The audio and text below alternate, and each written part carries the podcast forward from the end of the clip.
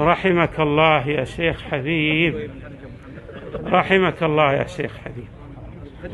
رحمك الله يا شيخ حبيب وحشرك مع محمد وآله الطاهرين.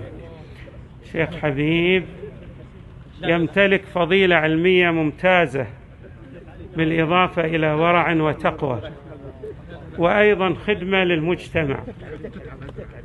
خدم المجتمع في جنبتين هامتين. يعرفهما الجميع.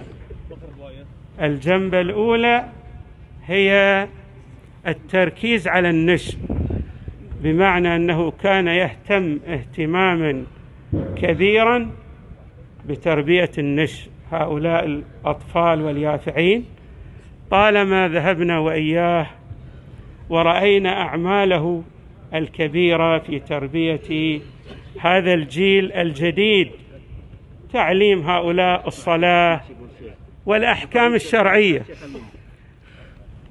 وتركيز الأخلاق الواردة عن أهل البيت صلوات الله وسلامه عليهم أجمعين وهي أخلاق القرآن الكريم التي مدح الله تبارك وتعالى نبيه بها. وإنك لعلى خلق عظيم. والجانب الثاني هو خدمة الحسين عليه السلام.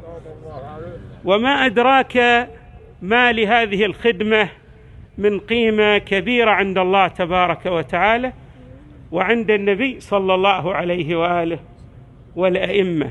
الحسين هو مدرسة الإسلام الخ... هو مدرسة الإسلام الخالدة. جميع ما لدينا وعندنا هو من الحسين عليه السلام. الحسين يعلمنا الأخلاق والحسين يعلمنا القيم والحسين أيضا يعلمنا التضحية من أجل المبادئ التي سار عليها الأنبياء والرسل. ولقد كان الشيخ يرحمه الله بمنبره وآخر مجلس قرأه عندنا. كان يؤكد على هذه القيم التي ضحى من أجلها الحسين وهي قيم الأمر بالمعروف والنهي عن المنكر والأخلاق القويمة والارتباط بالقرآن والعترة. فرحمه الله رحمة الأبرار وحشره مع النبي صلى الله عليه وآله والأئمة الأطهار. طبعا العالم إذا مات ثلم في الإسلام ثلمة لا يسدها شيء. نحتسبه عند الله تبارك وتعالى وعند المصطفى صلى الله عليه وآله وعند الأئمة عليهم السلام نحن نعتقد أن الله تبارك وتعالى مدح هؤلاء الذين يقدمون هذه الخدمات وأشاد بذكرهم. اولا هو عنده فضيلة علمية وقد بين الله تبارك وتعالى أن الله تبارك وتعالى يرفع شأن هؤلاء العلماء يرفع الله الذين آمنوا منكم والذين أوتوا العلم درجات. وأيضا لديه تقوى.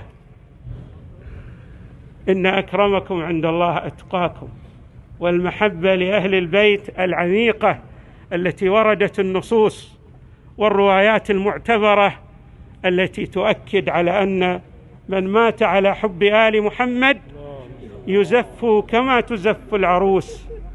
في ليلة زواجها.